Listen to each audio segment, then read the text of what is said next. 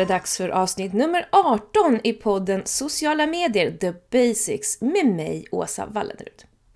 Idag tänkte jag att vi skulle bara kika lite närmare på olika typer av roller som kan finnas på en marknadsavdelning.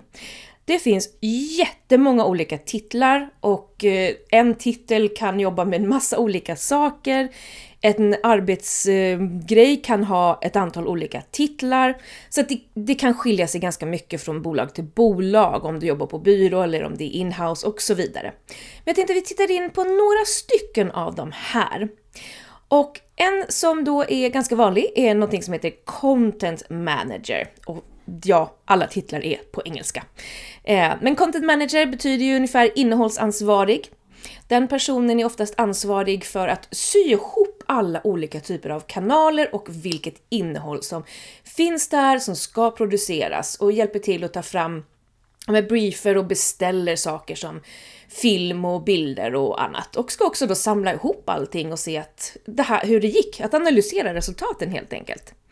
Så det är en content manager som mer eller mindre måste finnas. Och den här personen jobbar ju väldigt tätt liksom med sociala medier och med CRM och med, med alla olika delar som använder då det här innehållet för att publicera.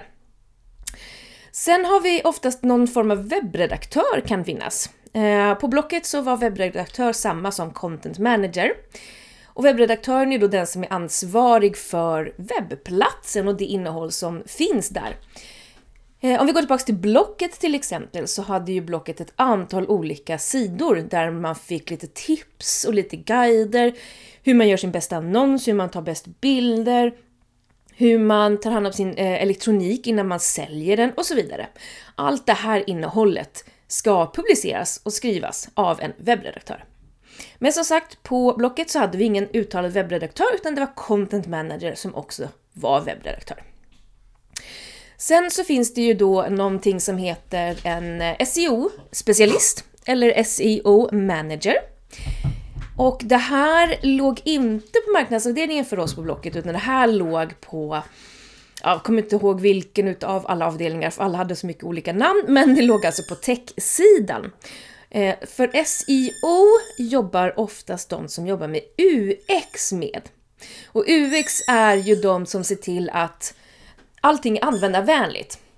Att när jag går in på en webbsida så ska det vara snyggt, det ska vara lätt att se saker, det ska vara lätt att förstå, det ska vara bra menyer, det ska vara rätt språk och det ska vara byggt på ett sätt som, som passar för desktop, som funkar för mobil och så vidare. Det jobbar UX-designers och UX-writers med. De är också de som jobbar med just SEO. Och SEO är ju då Search Engine Optimization. Det är alltså de som ser till att när man googlar någonting, då ska den här sidan komma upp. De är superviktiga och det här är så viktigt att lägga extremt mycket tid och professionalism på. Jag säger det. Sen har vi då det som vi har redan pratat om, just social media manager och alla typer av kunskaper kunskap man behöver ha. Ytterligare en sån här väldigt, väldigt viktig roll på ett eh, bolag och på marknadsavdelning, det är en form av creative director.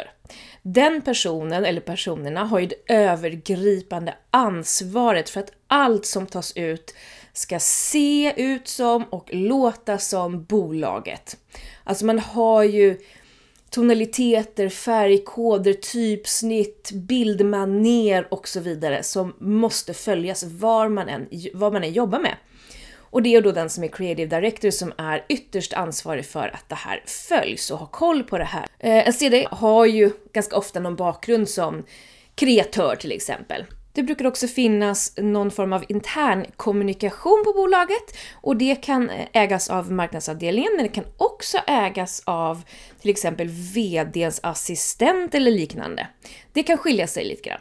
Sen har vi alltid människor som är så himla bra på att prata med pressen.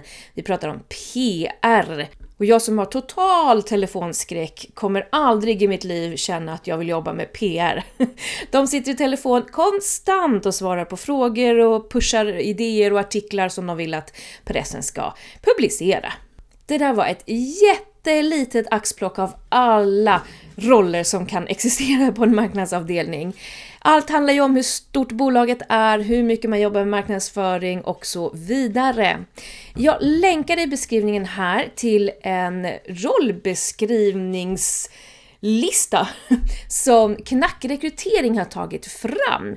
Här kan ni läsa lite mer om de olika typerna av roller och kanske ja, men hitta en roll som ni tycker skulle vara intressant att jobba med och kanske hitta någon form av utbildning och gå vidare och komma till en marknadsavdelning i framtiden. Who knows? Det var allt för idag. Tack så mycket!